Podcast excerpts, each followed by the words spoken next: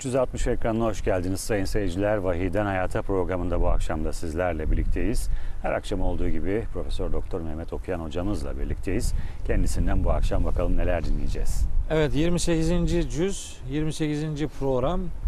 Bu cüzde Mücadele suresi var, Haşr suresi var, Mümtehine suresi var, Saf suresi, Cuma suresi, Tegabun suresi, eee, Cuma'dan sonra Münafıkun suresi, ondan sonra Tegabun, ondan sonra Talak, ondan sonra Tahrim. Yani bayağı yoğun bir e, sure var bu cüzde. Olsun e, birkaç tanesinden birkaç şey söyleyelim. Bir defa İslam'ın kadına bakışıyla alakalı olumsuz kanaat ortaya koyanlara buradan ilanen söylüyorum. Mücadele suresinin ilk dört ayetini açıp bir okusunlar. Bakalım bu kitabın İslam'ın kadınla alakalı bir sorunu var mıymış? Şimdi bakın bir ayet okuyorum. Birinci ayet okuyorum. Kad semi'allahu kavlelleti tujadiluke fi zevciha ve teşteki ilallah vallahu yesma'u tahavurakuma innallaha semi'un basir. اَلَّذ۪ينَ يُظَاهِرُونَ مِنْكُمْ مِنْ نِسَائِهِمْ مَا هُنَّ اُمَّهَاتِهِمْ اِنْ اُمَّهَاتُهُمْ اِلَّا اللّٰهِ وَلَدْنَهُمْ وَاِنَّهُمْ لَيَقُولُونَ مُنْكَرًا مِنَ الْقَوْلِ وَزُورًا وَاِنَّ اللّٰهَ لَعَفُوٌ غَفُورٌ Sahabilerden bir kadın geliyor peygamberimize diyor ki ya Resulallah ben Evs, kocasının adı Evs, hanımın adı Havle. Havle adlı kadın. Geliyor peygamberimize diyor ki ya Resulallah bu Evs'le evliyim. Birkaç tane çocuğumuz var fakat bu adam artık beni beğenmiyor. Dolayısıyla bana zihar yapıyor. Zihar Araplarda çok kötü bir geleneğin adı. zihar bir adam eşini boşamak için böyle garip şeyler yaparmış. Eşinin sırtını annesine benzetirmiş. Böyle bir ahlaksızlık. Psikolojik. Ahlaksız. Yani boşanmak için bahane işte. Senin sırtın bana artık anam gibidir deyip onunla bir boşanma e, sürecine giriyor. Kadın peygamberimize diyor ki ben Evs'i çok seviyorum. Çocuklarımız da var. Ben bu çocuklarımı ona bırakamam. O onları bakamaz. Dolayısıyla bu adam beni boşamak istiyor. Yani ne olacak durum? Peygamberimiz de o konuda bir ayet gelmediği için yapacak bir şey yok. Bozsun diyor. Arap örfüne göre yani. O kadın çok ısrar ediyor, çok diretiyor. Ve sonunda bakın ayet geliyor bu, bu konuşma üzerine. Allah seninle eşi hakkında tartışmakta olan kadının sesini duymuştur. Allah'a yönelik şikayetini de duymuştur. Allah sizin tartışmalarınızı işitiyor. Allah her şeyi işiten ve görendir. İçinizden hanımlarına her kim zihar yaparsa bilsin ki o zihar annesine benzetiyor ya. Bilsin ki hanımları onların anneleri olmaz. Bir insanın annesi onu kim doğurduysa odur diyor. Bu konuda söylediğiniz sözler tamamen yalan ve uydurmadır diyor. Allah hani af dileyin. Allah af dileyenleri bağışlayan ve merhamet edendir. Bakın bak neyin üzerine ayet geliyor? Kadın peygamberimizle eşiyle alakalı bir konuda tartışıyor. Şimdi Keremciğim bir düşün bakalım. Şu gün yaşayan mesela diyelim Amerika'da herhangi bir kadın oranın cumhurbaşkanıyla başkanıyla böyle tartışabilir mi? Oraya gidebilir mi? Yanına ulaşabilir mi? Ulaşamaz. Diyelim ki Türkiye şartlarında düşünelim. Cumhurbaşkanıyla böyle istediğin zaman her istediğin zaman gidip konuşabilir misin?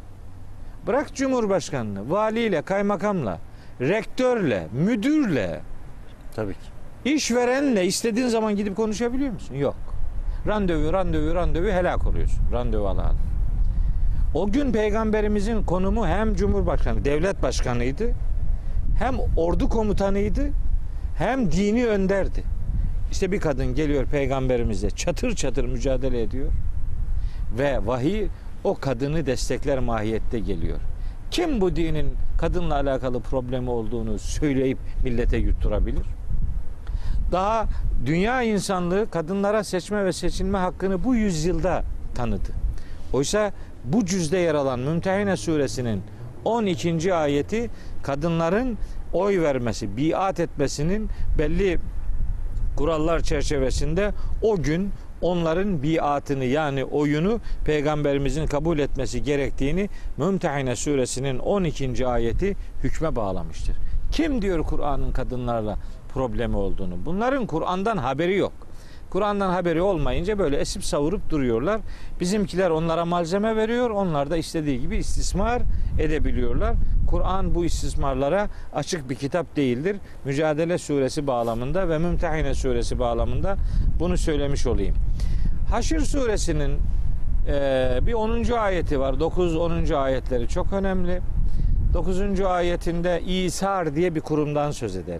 İsar. İsar kendisi muhtaç olmasına rağmen kardeşini kendisine tercih edebilme duyarlılığına derler. Siz böyle adam hiç gördünüz mü? Kendisi bir şeye muhtaç, başkası da muhtaç. O kardeşimin olsun benim olmasın diyebilen adam gördünüz mü? İşte Medine'nin Ensar dediği işte Eyüp Camisi'nin minarelerinde günümüzde ensar olmak diye yazı yazıyor. İşte ensar o demek. Yani muhacir dediğimiz Mekke'den göçenlere evini barkını açan, kendi fakru zaruret içerisinde olmasına rağmen onları tercih edebilen yiğit adamların adıdır ensar.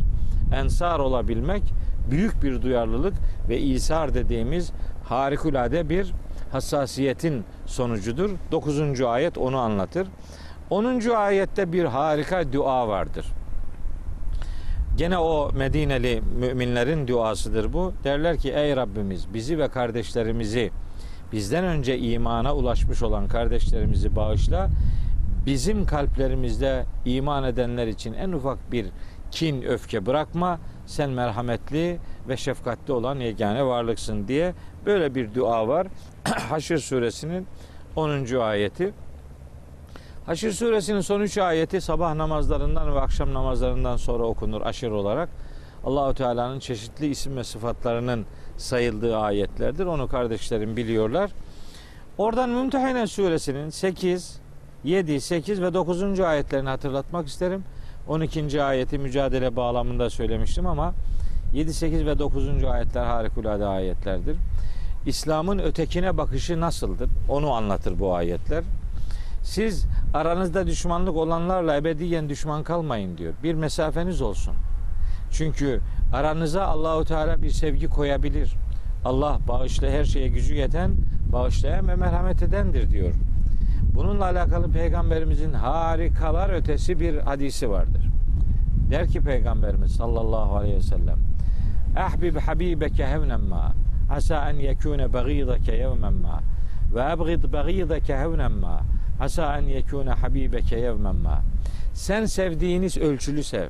Gün gelir onu sevmemen gerekebilir. Sevmediğine karşı ölçülü davran. Gün gelir onu sevmen gerekebilir. İşte bu ayetler ötekiyle ilişkimizi ortaya koyan bir duyarlılık abidesi ayetlerdir. 8 ve 9. ayetleri okumuyorum. Onu kardeşlerimin incelemesine havale ediyorum. Saf suresinin 6. ayeti peygamberimizi Hz. İsa'nın müjdelediği ayettir. 10 ve 11. ayetleri Allahu Teala'ya imanın yanında ona güvenin bizim ödevimiz olduğunu beyan eden ayetlerdir. Cuma suresinin 5. ayeti Tevrat'la yükümlü tutulmuş olmasına rağmen yükümlülüğünün gereğini yerine getirmeyenlerin sırtına kutsal kitaplar yüklenmiş merkeplere benzetildiğini söylüyor. Böyle enteresan bir benzetme vardır. E, merkeplere benzetilen Tevrat yükümlülüğüne rağmen yükümlülüğünü yerine getirmeyen Yahudiler ise bugün Kur'an'la ilgili yükümlülüklerini yerine getirmeyenlerin neye benzetileceğini insanlar kendileri hayal edebilirler. Bu surenin 9. ayeti cuma ibadetinin farziyetini ortaya koyar. Mümin olan herkes cuma kılmakla yükümlüdür. 9. ayet bunu açıkça beyan eder.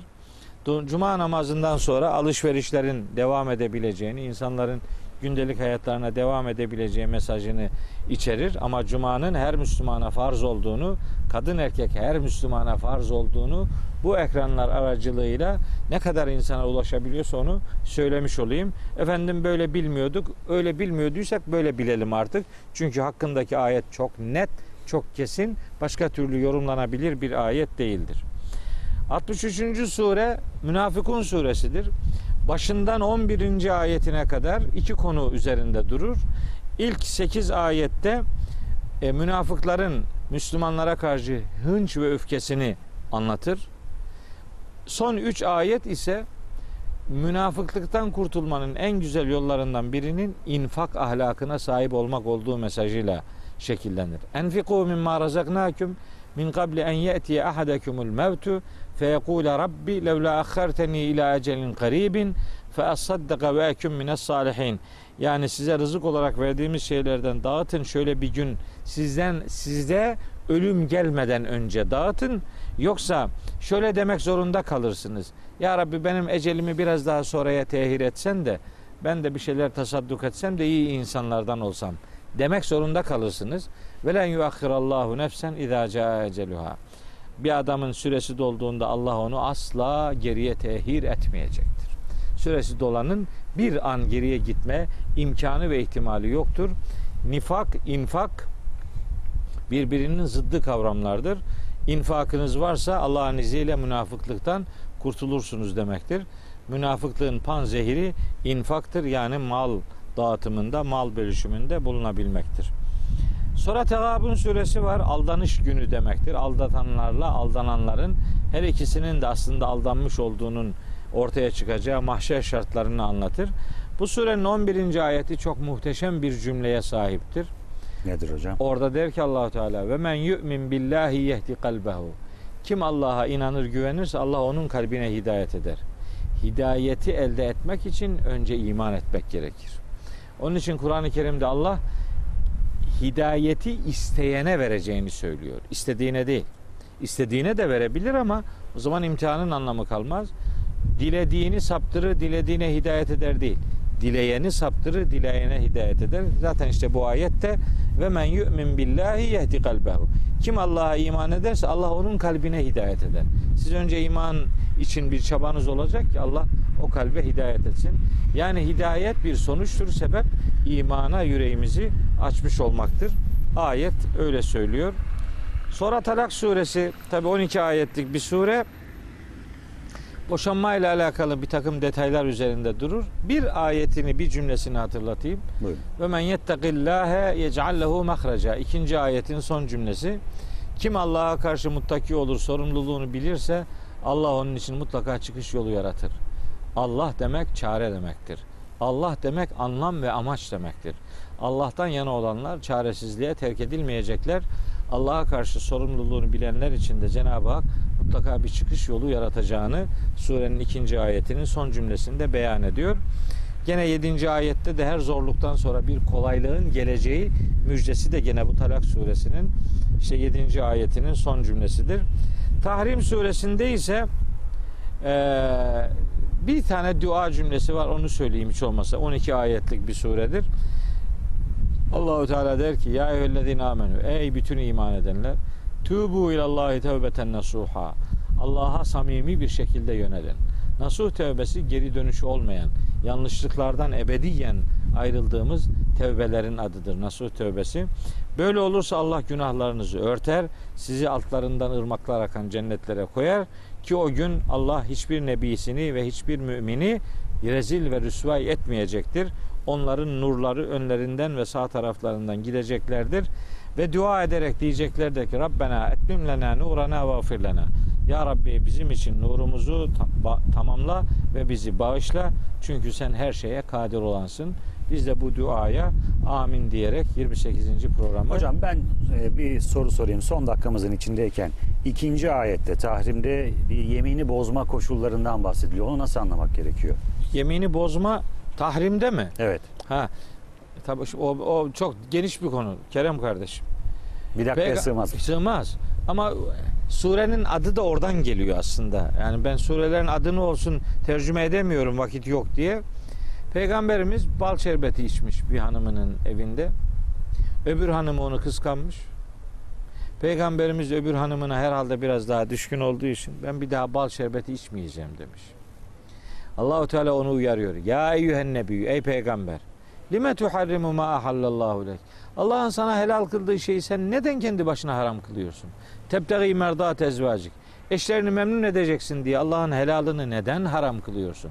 Kad feradallahu leküm tehillete imaniküm. Allah böyle yeminlerinizi helale dönüştürmeyi farz kılmıştır. Yani böyle saçma yeminler yapmayın. Allah'ın helal kıldığı bir şeyi haram yapmayın. Tahrim haram kılmak manasına gelir. Surede adını oradan alır. Çok teşekkür ederim Rica hocam. Ederim. Böylece bu akşam da Vahiden Hayatı'nın sonuna geldik sayın seyirciler. Yarın akşam tekrar buluşmak dileğiyle.